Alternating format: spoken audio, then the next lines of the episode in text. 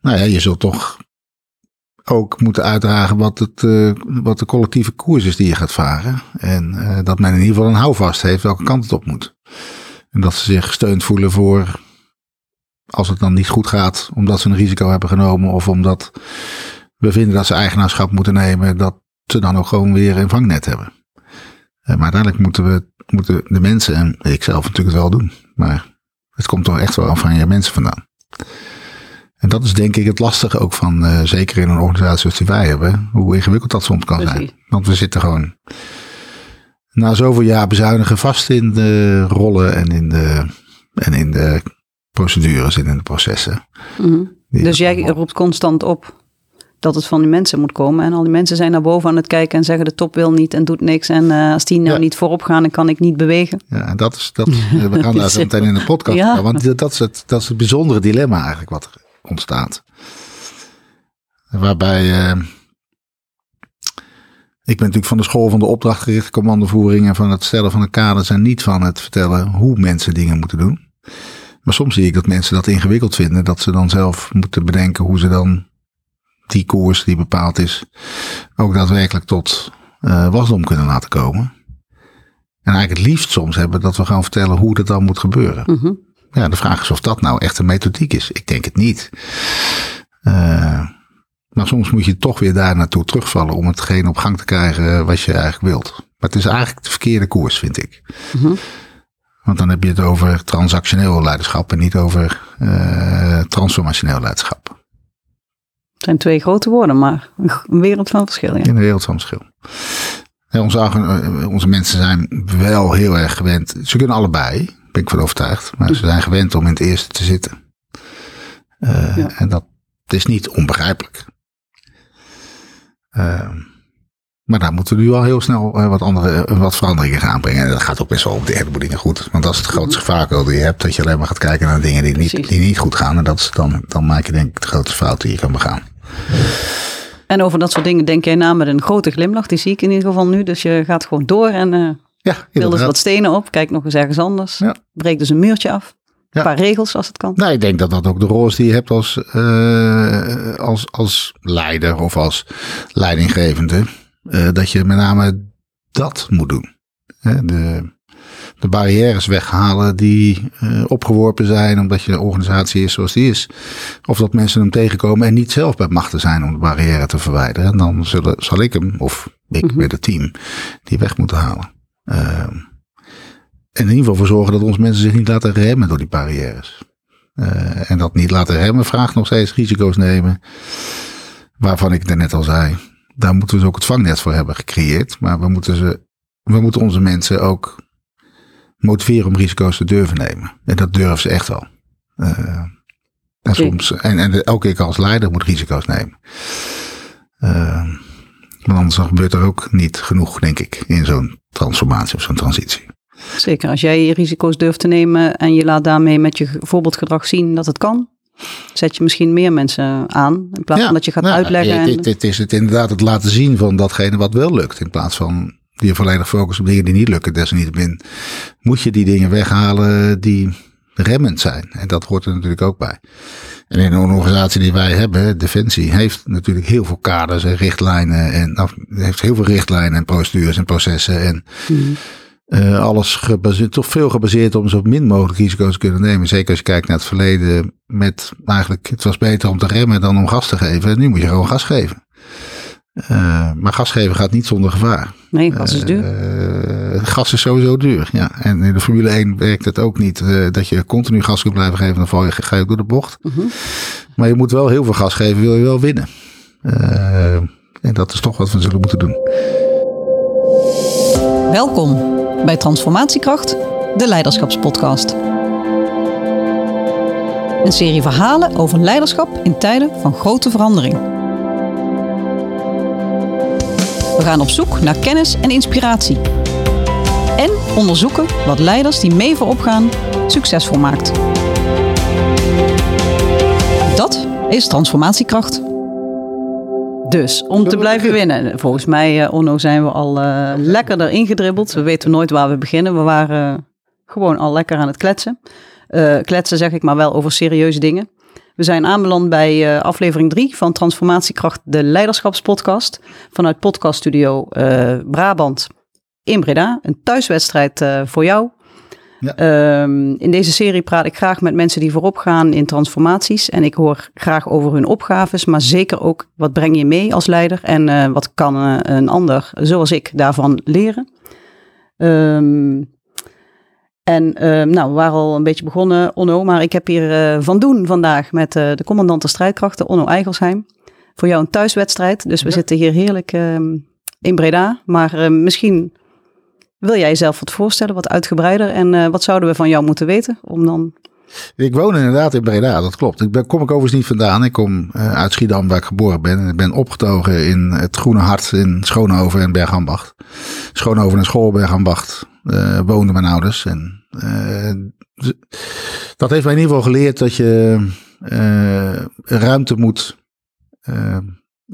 je, moet je, je, moet ruimte appreciëren en waarderen om je heen. Want het Groene Hart heeft veel ruimte.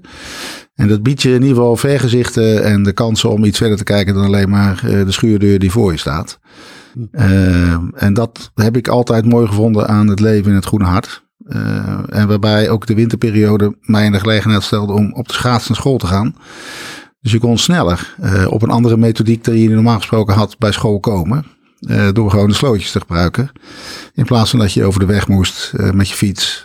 waardoor het uiteindelijk langer duurde. Dus je had ook alternatieve methodes die misschien heel anders waren dan mensen gewend waren. Want dat betekende ook dat je op school je schoenen moest vervangen door je, je schaatsen moest vervangen door je schoenen.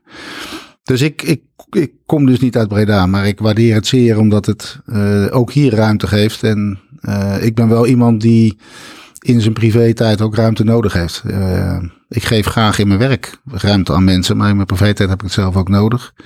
En die zoek ik op in de Noorse bergen of in de Alpen, maar met name de laatste tijd in Noorwegen.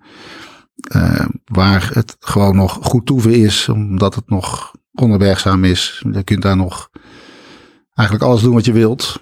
Uh, dus er zijn geen grenzen. Uh, en ik heb, uh, ik heb behoefte aan momenten dat er eigenlijk geen grenzen bestaan. en, en, en dat is wat mij denk ik typeert. met het element dat ik dus ook graag risico's neem. en ik heb geleerd in het verleden dat, het, dat je daarvoor moet opletten. Want risico's kun je maar tot een bepaalde mate nemen. Maar ik ben wel iemand die op privé, financieel of uh, in mijn werk gewend is om risico's te nemen.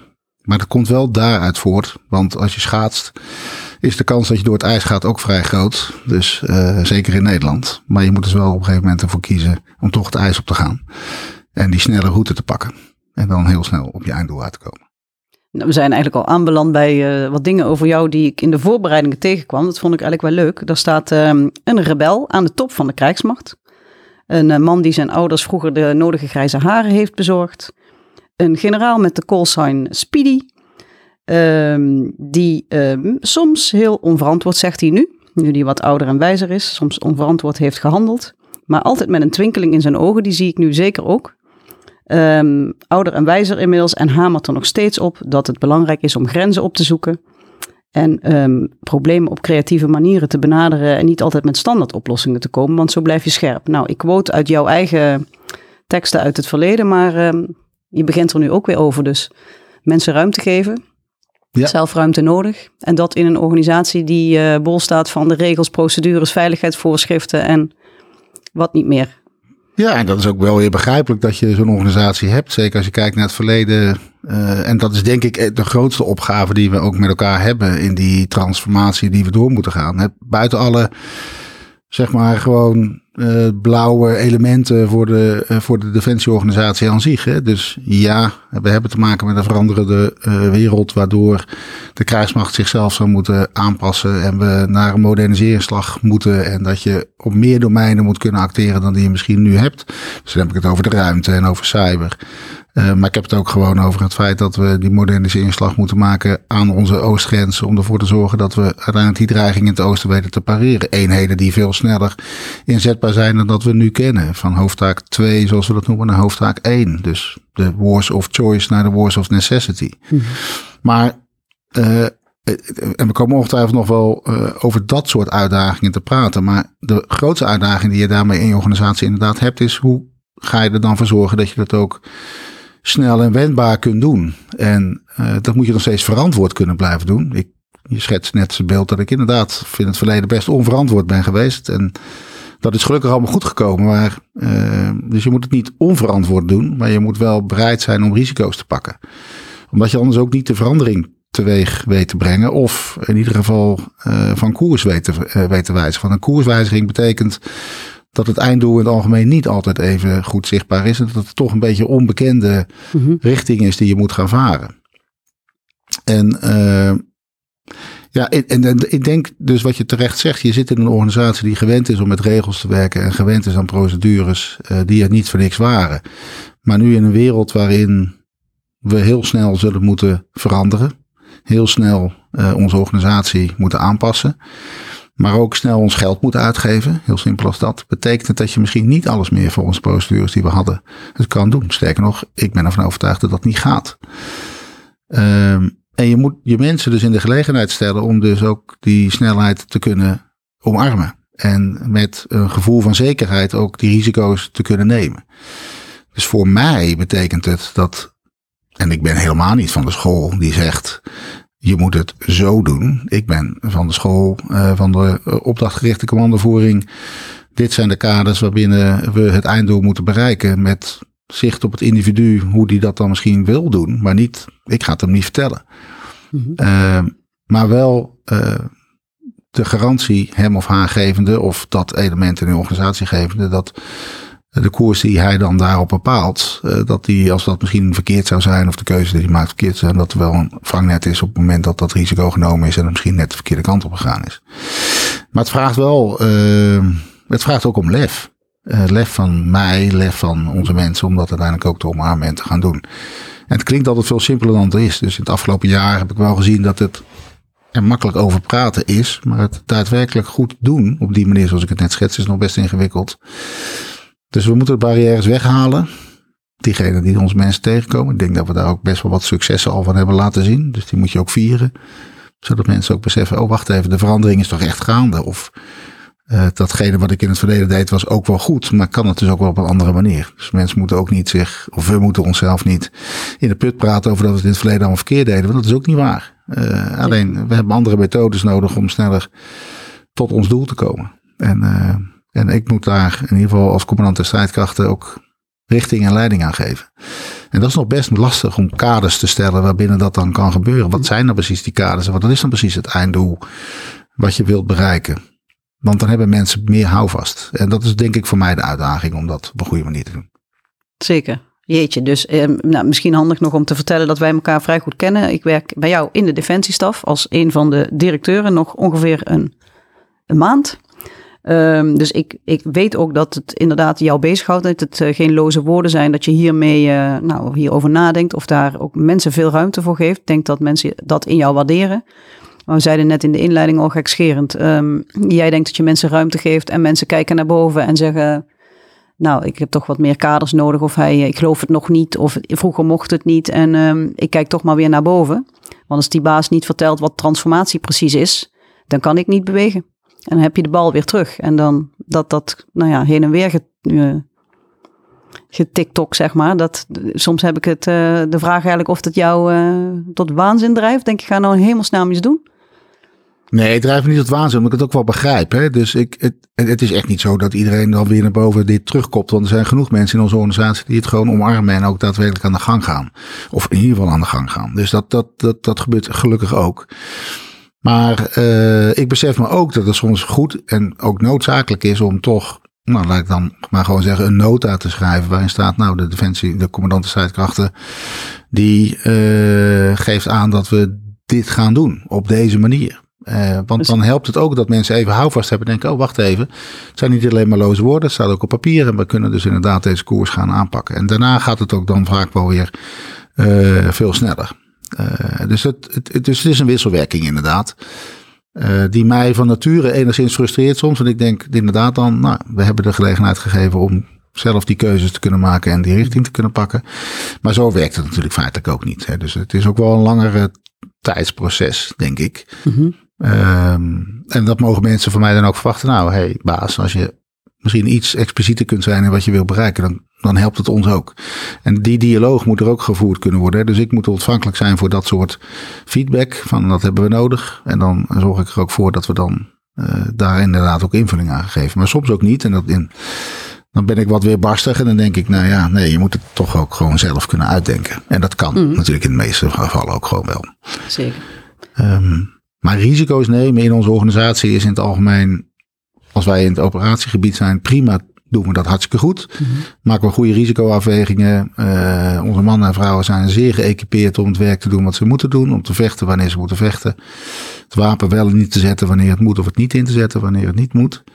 Kunnen ze prima afwegingen over maken. En het is toch dat soort mentaliteit die je ook terug moet zien in uh, de manier waarop we onze transformatie moeten doen.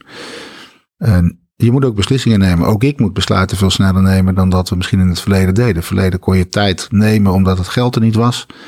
Nu is het geld er in overvloed. Uh, ik zal van LNB in de HDFC niet zeggen dat het zodanig in overvloed is dat we alles ermee kunnen doen. Want dat is ook niet zo. Dus je moet nog steeds keuzes maken. Maar die keuzes maken kunnen wel sneller. Uh, dus mijn eigen staf en ik hebben onszelf ook wel aangeleerd om zonder alles 9, tegen 99% of 100% uh, afgepeld te hebben, toch alvast een keuze kunnen maken. En uh, dat zie je dan ook wel, dat als we dat proces helemaal in gang hebben gezet, dat iedereen dan denkt, oh wacht even, uh, het kan dus wel. En dat vraagt overigens ook medewerking van de bewindspersonen, die daar ook heel erg achter staan. Maar het vraagt dus inderdaad ook medewerking van diegenen die gewend zijn dat er normaal gesproken nee, 100% uh, alles was afgedekt. Maar dat is dan nu niet het geval. En die denken, oké, we, maken we maken die keuze toch. Dus we maken echt wel vorderingen. Zeker, ja. Nou, je hebt een paar keer gezegd dat moet ook wel, want het, uh, nou, er is wat aan de hand in de, in de wereld. Het is uh, onrustig. Um, Defensie staat daar vol op in. Um, en ik ging even terug naar jouw commando-overdracht in april 2021 toen jij zei de continuïteit van de krijgsmacht is in gevaar en we hebben een grote transformatie nodig om dat uh, toekomstbestendig te maken. Wil je eens wat vertellen over waar die transformatie precies uit bestaat? Ja. Ja, die transformatie is natuurlijk eigenlijk heel breed. Als je, en dat is uh, direct ook ons uh, valkuil, denk ik. Ehm, maar als je het eigenlijk afpelt, hebben we te maken met een wereld waarbij we niet meer kunnen kiezen welke oorlog we moeten voeren. Dus we zullen een krijgsmacht moeten bouwen die continu gereed staat uh, in die, zoals ik dat noem, uh, permanente strategische competitie waar we in terechtgekomen zijn. Waarin grootmachten als China, de Russische Federatie, de wat kleinere machten misschien als Iran of Noord-Korea ons zullen dwingen om veel sneller te moeten acteren dan dat we nu doen. En dat betekent dat je een krijgsmacht moet bouwen die permanent inzet gereed is. Uh, die in staat is om grotere en snellere eenheden naar, de, uh, naar willekeurig welke positie te brengen. Dus dat is de harde kant van je transformatie die je, of de transitie die je moet doen. En als we dat niet doen, dan betekent het dat je uiteindelijk eh, jezelf uit de markt hebt uh, gebracht. Want als snelheid niet meer van toepasbaar is op de dreiging die we, die we uh, aanzien komen, dan hebben we denk ik een heel groot probleem. Dus dat is het eerste waar we aan moeten werken. En dat vraagt om eenheden die zelfstandigheid kennen, die combat sport, combat service sport hebben, die uh, zelfstandig besluiten kunnen nemen, et cetera, et cetera. Dus dat zit er allemaal in. Tegelijkertijd uh, moet je er ook voor zorgen dat je een krijgsmacht bouwt die misschien niet meer in het personeelsmodel past wat we nu kennen. Dus waar je personeel in uh, vanuit buiten naar binnen haalt, reservisten. Maar ook uh, dat je ervoor zorgt dat je je verbondenheid met de maatschappij, je dienjaar weet in te richten. Zodat je in die samenwerking met de maatschappij en bedrijven jezelf op de momenten dat het moet sterk maakt. Of gebruik kan maken van capaciteiten van bedrijven omdat jij het zelf niet nodig hebt. Dus die flexibiliteit in wat ik zelf nodig heb om de oorlog te kunnen voeren of de strijd kunnen voeren in relatie tot wat de samenleving of uh, bedrijven je uh, kunnen geven, is ook een belangrijke factor, omdat we het gewoon niet allemaal zelf kunnen. En de derde die van belang is, is die wendbaarheid. We hadden het daar in het begin even over. De wendbaarheid die nodig is om onze organisatie heel snel te kunnen laten reageren op een verandering in onze omgeving. Uh, lees naar het conflict in de Oekraïne. We zien dat daar bepaalde veel meer onbemande systemen worden ingezet dan we misschien eerst hadden voorzien. Zorg er dan voor dat je in je eigen processen daar ook snel je procedure en je, je operationele concept op aanpast. Maar ook uh, in je behoeftestelling daarop kan aan, uh, direct op kan, kan anticiperen. Dus het vraagt ook dat deel van onze organisatie, waar we het over hadden, dat processen en procedures misschien op een andere manier worden ingericht. En als je dat bij elkaar brengt, heb je natuurlijk een best grote uh, transitieopgave. Dan heb ik het niet eens over de infrastructuur en over de IT-transitie die we hebben. Uh, want eigenlijk hebben we alles een beetje wel op de schop gezet. En dat vraagt, uh, dat, dat vraagt inderdaad heel veel van onze mensen. Dus je kunt ook niet verwachten dat je alles in één keer doet. Van mij mag je verwachten dat je prioriteert. En dat je duidelijk maakt welke koers we gaan varen. Maar dit zijn wel de grote lijnen van de transitie waar we eigenlijk allemaal voor staan. En dat is eigenlijk ongelooflijk gaaf. Uh, want dat wij nu in deze situatie zijn, dat je een krijgsmacht kan en mag bouwen, die dit allemaal zometeen moet kunnen. Dat is niks moois dan dat. En we hebben daar helaas ook nog een oorlog voor ge, uh, erbij gekregen. Met alle verschrikkelijke facetten van dien. Uh, die denk ik de ogen ook geopend heeft in de samenleving. Dat helpt in zeg maar de steun voor de krijgsmacht, de steun nu en de steun naar de toekomst. Dus er is geen ander moment dan nu om die transformatie ook daadwerkelijk uh, te kunnen doen. Dus het is ook wel nu de kans voor ons allemaal om dat, uh, om dat uiteindelijk tot een goed einde te gaan brengen. dus ja, het is wat dat betreft veel, maar ook ongelooflijk mooi en met heel veel steun van de politiek en van de samenleving om dit te doen. Dus als je dat zo op een rij zet, dan uh, is het inderdaad een immense opgave. Want je praat over um, andere vormen van inzet. Je hele personeelsmodel uh, op de schop. Flexibiliteit zeg je, door samenwerking met de samenleving. Uh, je had in het begin al iets genoemd over vakgebieden, echt nieuwe vakgebieden zoals cyber en space. Informatie, IT, nou je hebt materiaal of je materieel vervangingen. Het is alles bij elkaar echt een monsterklus. En wat volgens mij nog, um, wat het nog complexer maakt, Um, is dat je uh, dus politiek geld hebt gekregen om die transformatie er doorheen te krijgen. Ik denk dat zou ik beschrijven als jouw, jouw hoofdtaak eh, ja. tijdens jouw CDS-schap.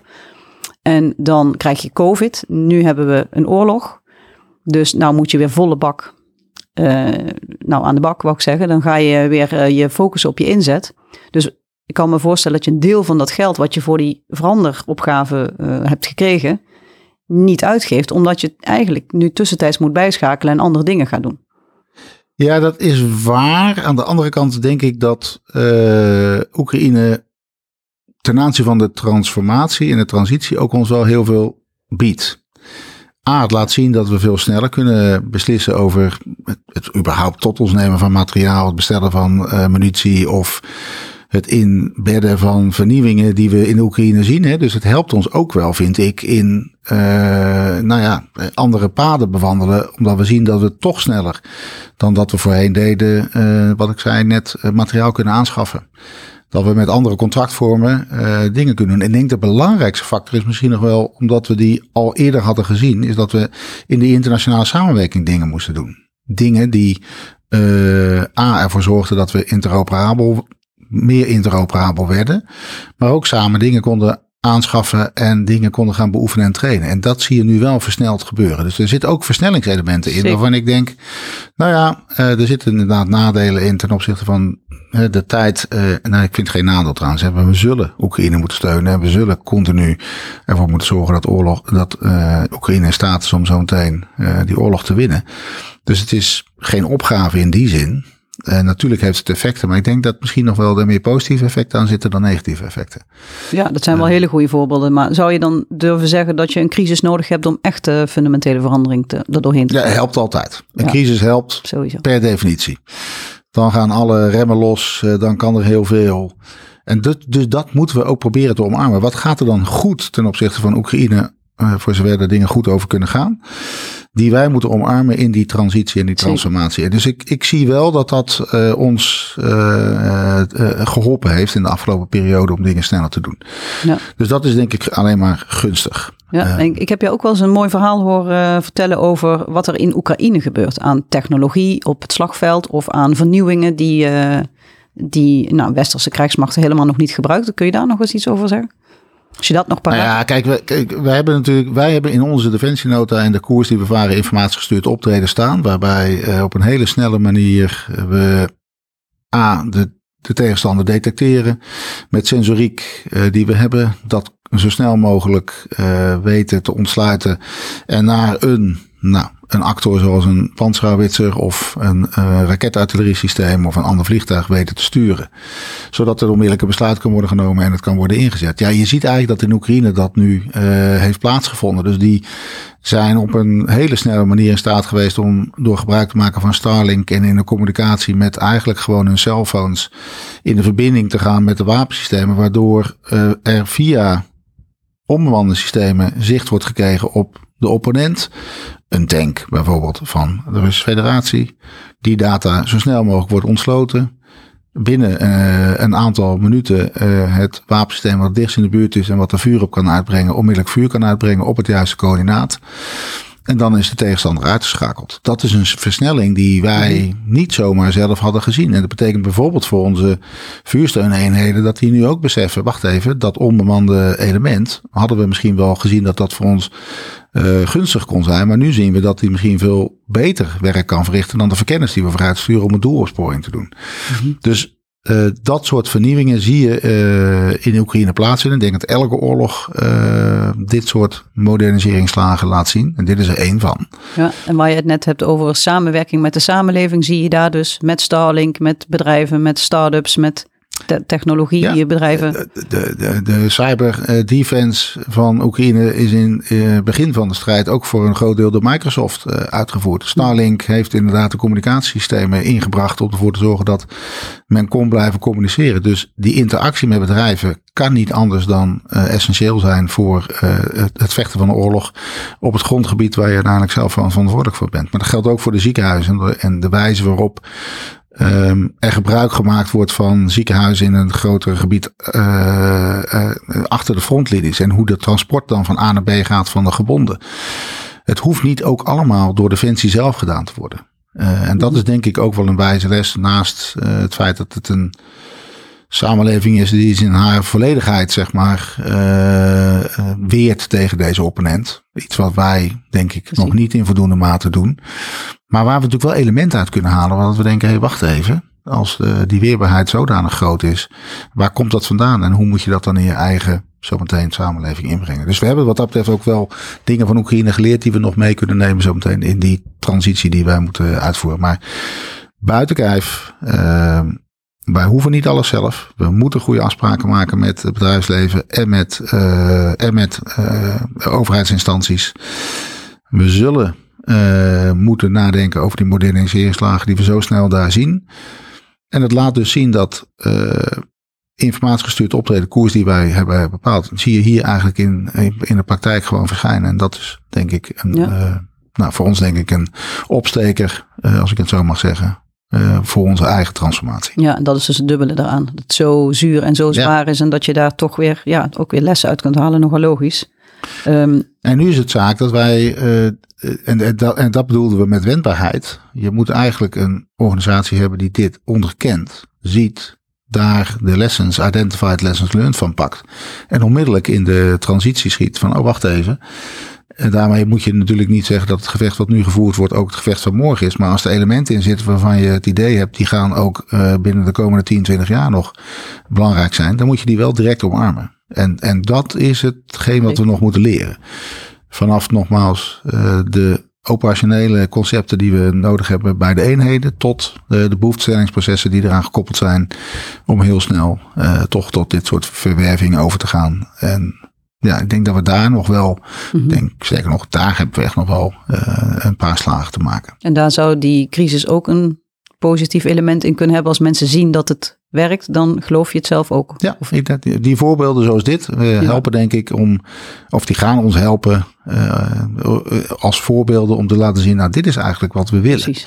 Dit is de koers die we moeten varen met elkaar. Uh, ja. en, en dus ja, daar zitten denk ik meer voordelen aan ten opzichte van de Oekraïnse oorlog dan ja. alleen maar nadelen. Ja, hoe zuur dat, eh, dat ook is. Uh, maar dus ook nadelen, want um, je geeft ook een deel van je, um, van je, van je materieel weg. Um, mensen gaan opeens andere taken vervullen dan in je, in je transformatiekoers was bedacht. Ze gaan, uh, mensen zitten nu echt weer aan de randen van het NAVO-grondgebied. Die inzet had jij eerder niet kunnen voorzien. Jullie trainen Oekraïense militairen, je bent op medisch gebied bezig.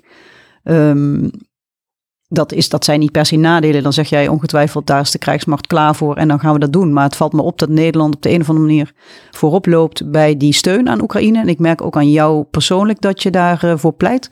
Waarom vind je dat zo belangrijk dat we daar uh, nou ook eigenlijk wel een deel van, wat zou ik zeggen, van je materieel weggeeft? En dat heeft toch ook negatieve consequenties op je krijgsmacht? Ja, dat, dat, laatste klopt. Het heeft, het, natuurlijk heeft het impact op de gereedheid die uh, we misschien voor ogen hadden in een bepaald tempo te kunnen halen. Maar laten we duidelijk zijn, de oorlog uh, die Rusland uh, tegen Oekraïne begonnen is, is een oorlog die verder gaat dan alleen maar Oekraïne versus, versus Rusland. Uiteindelijk bedreigen ze daarmee de Europese veiligheid. En hebben we toch te maken met een autoritair regime dat in dit geval een soeverein land is binnengevallen. Als wij niet in staat zijn met elkaar om te laten zien dat dit niet kan, dat dit niet mag en dat je hier paal en perk aan moet stellen, dan hebben we een veel groter probleem. En dan zullen er ook andere landen zijn die zullen nadenken, hé, hey, als we dit doen, komen we daar toch vrij gemakkelijk mee weg. Dus het gevecht wat we nu voeren en wat door Oekraïne voor ons wordt gevoerd, uh, bezorgt ervoor dat wij uiteindelijk kunnen blijven beschermen wat ons dierbaar is. Kunnen garanderen dat die veiligheid op het Europees grondgebied uh, er ook blijft. Maar dan zullen we het wel moeten winnen. Mm En Oekraïne wint het niet door maar beperkt hier en daar wat te geven. We zullen fors uh, Oekraïnse strijdkrachten moeten steunen. Dus vandaar mm mijn drive, maar ook uh, de drive van onze politiek om dat toch dat in ver, in hele verre mate te doen. Ja, en daarmee, als je het over het lijstjes hebt, staat Nederland nummer vijf als leverende landen. Ja, dat daar, daar gaat het mij helemaal niet om. Het gaat mij om het gedachtegoed dat daar de strijd gevoerd wordt die anders wij zouden moeten voeren. Mm Want daar ben je van overtuigd uh, dat, um, dat Rusland niet stopt aan, de, aan de Oekraïnse grens? Nee, de, nou ja, die zal in ieder geval er zich zodanig daarna weer gaan herbewapenen dat wij er daarna weer heel veel last van hebben. En naast dat jij internationaal dus die steun aan Oekraïne met jouw collega's bespreekt, heb je nog een thema uh, op de kaart gezet. Of in ieder geval, uh, daar, daar pleit jij uh, hartstochtelijk voor. Um, en dat is het financieringsvraagstuk. Dus meer dan ooit merken we nu dat we defensieindustrie nodig hebben om deze klus te klaren, om ja. materieel um, voorraden aan te vullen. Um, en dan zijn er problemen in de financiering. banken en verzekeringsmaatschappijen um, hebben eigenlijk uh, beleid gemaakt dat ze niet meer willen investeren in de defensieindustrie. Dus nog los van dat jij met je vak bezig bent, sta jij opeens in Nederland op een podium eh, te bepleiten dat deze regelgeving moet veranderen.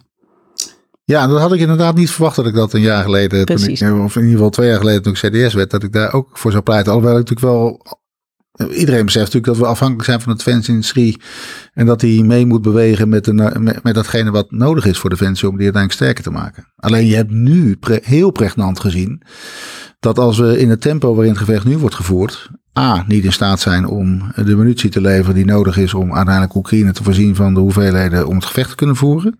Onze industrie kan dat niet aan. B, we hebben zelf een uitdaging om onze eigen krijgsmacht, en niet alleen die van ons, maar die van alle Europese landen en ook die van de Verenigde Staten en uh, Australië en andere, om die überhaupt in een, uh, in een normaal tempo naar een, uh, naar een goed niveau te krijgen. En de industrie kan dat eigenlijk gewoon helemaal niet. Voor mij was dat een soort van, niet zozeer verrassing, maar toch wel dat ik dacht van, oké, als we het op deze manier blijven doen, dan wordt het inderdaad pas 2035 voordat we überhaupt de eerste zeg maar, materiaal binnenkrijgen. En dat kan niet de bedoeling zijn. En we kunnen ook niet eens het gevecht blijven voeren als het noodzakelijk is. Dus die industrie moet opschalen. Dat kunnen ze niet, zeg maar, van vandaag of morgen zomaar even op eigen doft en met eigen financiering. Maar dat gaat niet. Dus er zal een financieringsconstructie moeten zijn. Um, waarop dat dan wel kan plaatsvinden. En zolang verzekeringen uh, en, uh, en pensioenfondsen in hun regelgeving hebben staan dat ze niet de defensieindustrie steunen, gaan ze natuurlijk ook niet heel gemakkelijk dat geld af krijgen om de investering te doen. Wij zijn bereid met Europese landen en met andere uh, krijgsmachten om de orders te plaatsen. Maar ja, dan verwacht je natuurlijk wel dat de industrie zegt, nou het wordt niet 2035 voordat u uw munitie krijgt, maar dat wordt 2026. En dat is waar we naar, met elkaar naartoe moeten gaan werken. Mm -hmm. buiten het feit dat uh, we in deze tijden van uh, crisis, of dat je een moment in een crisis komt, in staat moet zijn om in of nabij je eigen grondgebied die, uh, die, die productie gewoon op gang te, te houden. En dat is Nou, dat is iets wat we gewoon hebben laten lopen in de afgelopen 30 jaar. Om begrijpelijke redenen. Maar uh, wat we nu dus heel snel weer moeten oppakken. En daar pleit ik inderdaad voor. Ja, en dat is eigenlijk nog een extra voorbeeld van we zullen het met z'n allen moeten doen. Ja. Defensie staat midden in de samenleving, maar nou, we hebben toch dan nog een taak om die samenleving op te roepen om uh, Defensie te steunen. Ja, want veiligheid kan niet alleen van Defensie zijn. Dat is pleidooi wat ik vaker heb gehouden. Mhm. het is naïef om te denken dat Defensie de enige is die daar de oplossing voor kan zijn. Dat kan hij nooit alleen. Daar hebben we gelukkig het bondgenootschap voor, maar je hebt daar ook andere elementen van je samenleving voor nodig. De mensen zelf, uh, maar ook de bedrijven en, uh, en de andere instituten die er eigenlijk ervoor zorgen dat je continu um, die defensie op orde houdt. Dus en defensie gaat verder dan alleen maar militaire, militaire inzet. Het gaat om de weerbaarheid van je samenleving in de brede zin van het woord. Dus ook onze ook mijn eigen kinderen geldt het ook voor. Die zijn er misschien iets meer gewend omdat ze een gekke vader hebben. Maar uh, ja, je zult ook toch in onze samenleving uh, moeten bewerkstelligen dat het misschien niet altijd met internet gepaard gaat. Of dat je tv ook zo af en toe uitvalt. Of dat je stroom uitvalt. Of dat je zelf een rol moet spelen op de momenten dat het misschien er echt toe gaat doen. Uh, en dat kan een hele eenvoudige rol zijn, omdat je misschien het verkeer moet regelen. Of omdat je in de haven wordt gevraagd om ervoor te zorgen dat de containers op een goede manier worden verplaatst van oost naar west, van west naar oost in dit geval. Uh, maar het is wel een stap die we natuurlijk helemaal niet gewend zijn. En waar ik ook van weet dat we dat niet morgen hebben georganiseerd. Maar het is wel een stap waar we op moeten nadenken om te zien hoe we dan uiteindelijk de weerbaarheid in onze samenleving breder dan alleen defensie weten in te brengen. En bedrijven zijn echt daartoe bereid. Reservistenbestand waar we uh, als flexibele schil, we hadden het over de personeelstransformatie. Daar hebben we reservisten voor nodig. Daar heb je oproepbare capaciteit op termijn voor nodig. En die komen uit de samenleving en uit bedrijven. En bedrijven willen heel graag met ons die samenwerking aan. We hebben er een aantal uh, met wie we dat al heel erg direct doen. Maar er kunnen er nog veel meer bij. Ja. En daar heeft een bedrijf wat aan. We noemen dat de win-win-win. Het bedrijf heeft er wat aan, want die krijgt gemotiveerde uh, mensen uh, ervoor terug. Dat is de tweede win. En Defensie heeft er wel aan, want die krijgt uh, ja. mensen ervoor terug die uit de samenleving en uit het bedrijf komen met de kennis en kunnen die ze hebben. Ja. Dus dat is wel waar we naartoe moeten. Zeker. En ik kom me net niet aan de indruk onttrekken dat je ook misschien wat eerste contouren van een dientijd, een dienjaar. maatschappelijke dientijd, een dienjaar. We horen zelf dienstplicht weer af en toe in de media verschijnen. Maar hoe kijk je daarnaar?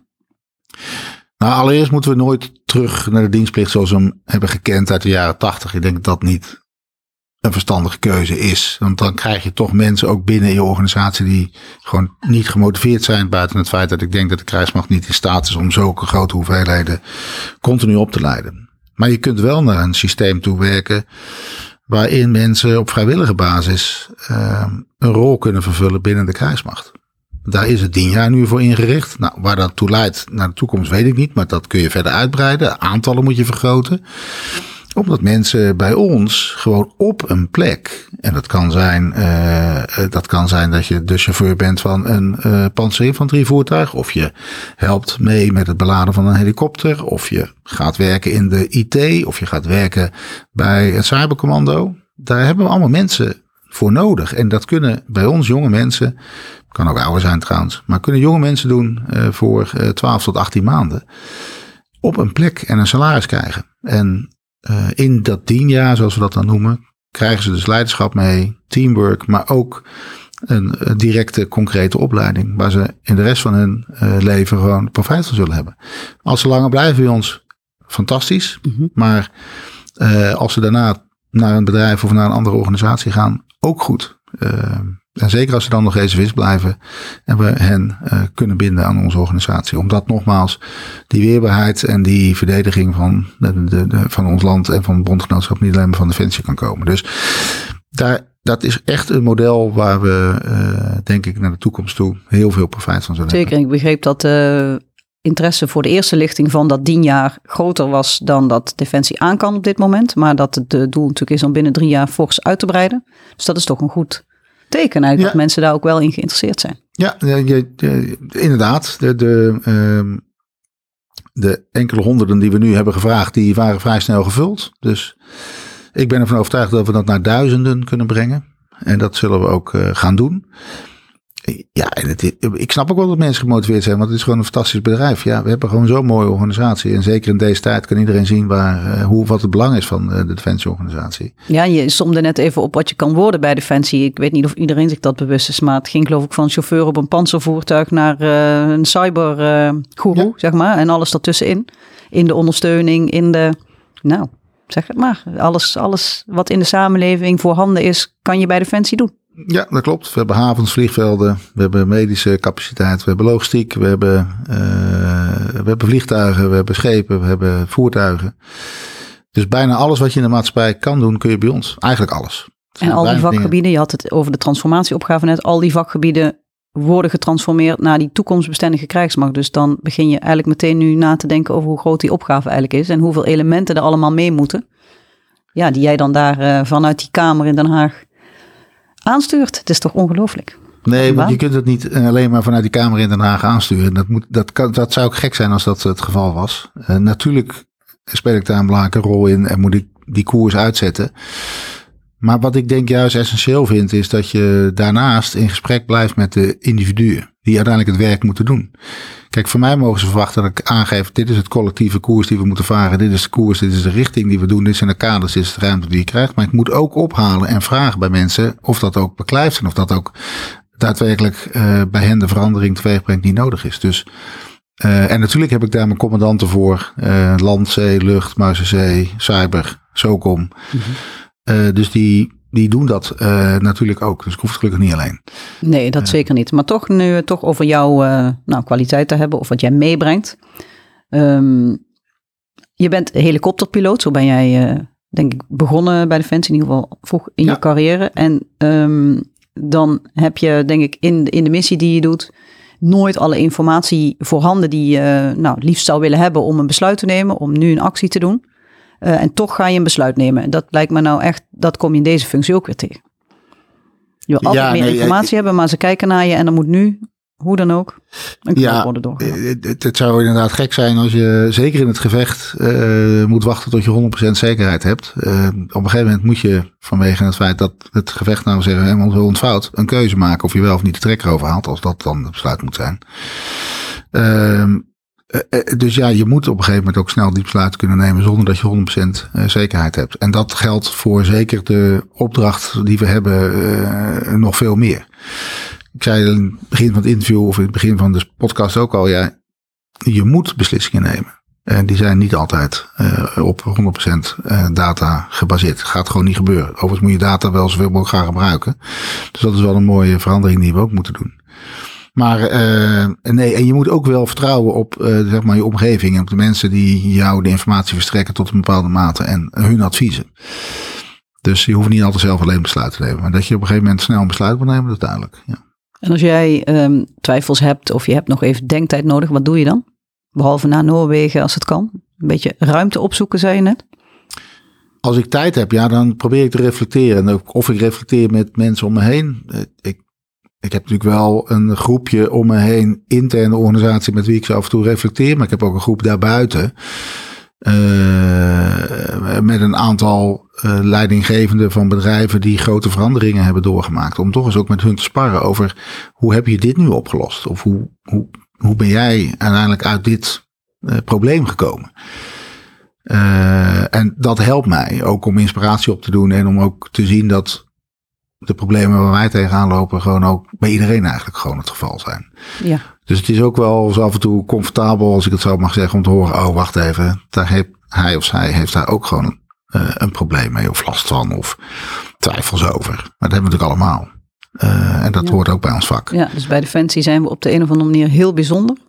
Maar soms toch ook net niet zo nee. bijzonder als we denken. Dan nee. blijkt er kennis voorhanden te zijn die toch wel nuttig is. Ja, bij dit soort grote transformaties lopen ook andere CEO's of uh, raden van bestuur tegen dezelfde problemen aan. Een organisatie van koers laten veranderen op zo groot als wij er nu aan het doen zijn, gaat niet vanzelf. En uh, het met name meenemen van je mensen en het intrinsiek van hen motiveren is denk ik de belangrijkste factor. En dat vertellen eigenlijk ook al die anderen om me heen ook. Maar ook je moet wel, uiteindelijk ben je wel het boegbeeld, moet je ook laten zien waar we heen gaan. Je moet voorbeeldgedrag tonen, dat hoort er ook gewoon bij. maar ook, en dat is waar ik in het begin elke keer op hamerde, met name ervoor zorgen dat je de mensen de ruimte geeft. Ze hebben de ruimte nodig en kunnen het prima aan. Ik moet de kader schetsen. Ik moet ervoor zorgen dat ze het uh, met de mandaten die ze nodig hebben het ook kunnen doen. En het vangnet waarborgen op het moment dat, ze, dat er misschien een verkeerd besluit wordt genomen. Dat gaat namelijk ook gepaard met deze verandering. Zeker. Daarmee zijn we bijna terug bij het begin. Uh, ruimte geven en ruimte nodig hebben om, om te kunnen handelen. Om bij te kunnen schakelen. Ik denk dat dat misschien wel is wat, wat ik hieruit meeneem, wat jou toch typeert. Um, en um, nou, wat, wat niet altijd makkelijk uh, zal zijn in, in zo'n nou, actuele wereld, waarin je in de dagelijkse gang van zaken uh, met een oorlog of met COVID of met crisis of met wat dan ook bezig bent. Dus ruimte is niet vanzelfsprekend in jouw werk. Dus dat zoek je automatisch op. Reflecteren heb je het over. Maar er is altijd meer ruimte te vinden dan je denkt. Uh, en dan moet je wel durf voor hebben. En uh, dat is dus wat ik iedereen ook uh, vraag. Neem je risico's. daar moet je verstandig over doen. Niet zoals ik dat misschien 40 jaar geleden zo af en toe deed. Maar doe dat nu wel. neem risico's en durf gewoon ook zelf die beslissingen te nemen. Die nodig zijn om die verandering uiteindelijk vorm te geven. En daar kan er echt zoveel meer. Uh, dan dat je misschien in eerste instantie zou denken. Zeker, dat, dat was het antwoord op mijn laatste vraag. Wat zijn je tips nog aan, um, aan mensen die ook voor uh, moeilijke veranderklussen staan?